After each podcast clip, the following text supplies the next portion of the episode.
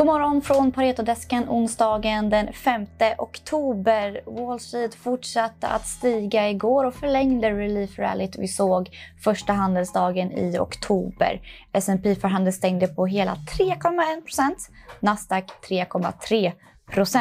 Men idag pekar terminerna ner och vi får ju en hel del spännande makrodata den här veckan. Idag får vi PMIs som blir spännande att följa och se hur Fed agerar på makrodatan som rullar in.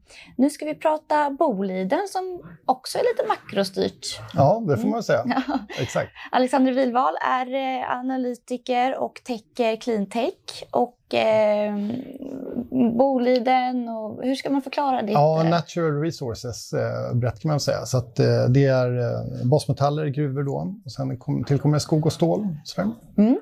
Och du tar, återupptar eh, analysbevakning av Boliden idag där ja. du tar upp bolaget. Vi har haft tidigare en säljrekommendation på bolaget men nu tar vi upp det med en köprekommendation. Berätta varför det här är ett bra case. Ja, precis.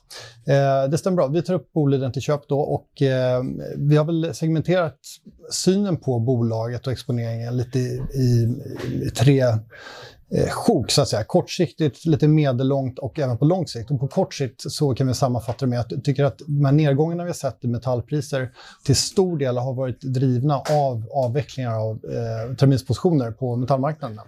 Och de är till stora delar nettokorta i dagsläget. Så vi har liksom en positiv risk-reward i lite som en buffert där. Eh, och då pratar vi på kort sikt. Eh, lite medellång, medellånga sikten så eh, pratar vi mer cykeln och där räknar vi med kanske lite överskott av metall framöver. Vi har en svagare mm. konjunktur vi kommer in i och det tar vi in i vårt scenario i metallpriserna in i nästa år. Så där, där ser vi en, har vi en lite mer försiktig syn helt enkelt. Då.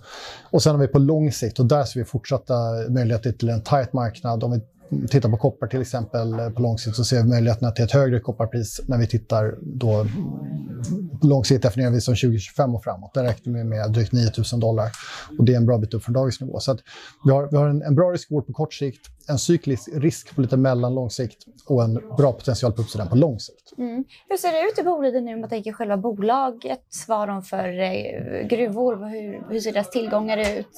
Vad har de för utmaningar? Ja, eh, de har ju ett knippe gruvor som de har haft sedan länge, de allra flesta av dem. Det är mycket fokus på Aitik i Sverige, där det är koppar. Och sen så har vi eh, Garpenberg vad gäller zink och så vidare. Och sen har de här smältverken, Rönnskärp, Kopparsin och så har vi eh, Harjavalta, Kokkola i Finland. Eh, det är några fler tillgångar också som har funnits med så länge. Eh, utmaningarna på eh, på, eh, om man säger inför det närmaste året, är väl eh, till exempel avtalsrörelsen som drar igång nästa år. Det kommer bli mer fokus när vi kommer in nästa år på lönekostnader och så vidare.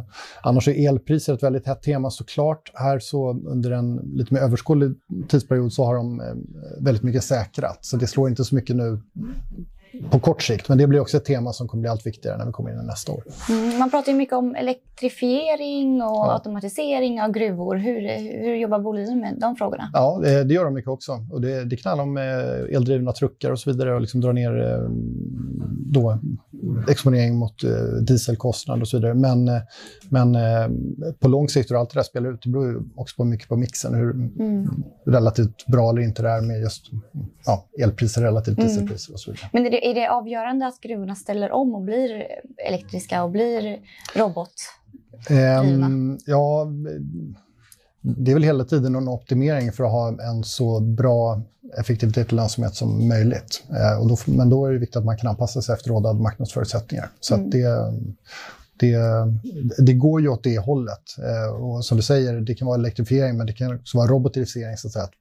Eh, man kan öka effektiviteten den vägen. Så det, det kan också hänga ihop. Mm. Ja, det blir spännande att fortsätta följa Boliden nu när du har återupptagit teckningen av ja. bolaget. Tack så jättemycket, Alexander. Ja, tack så mycket.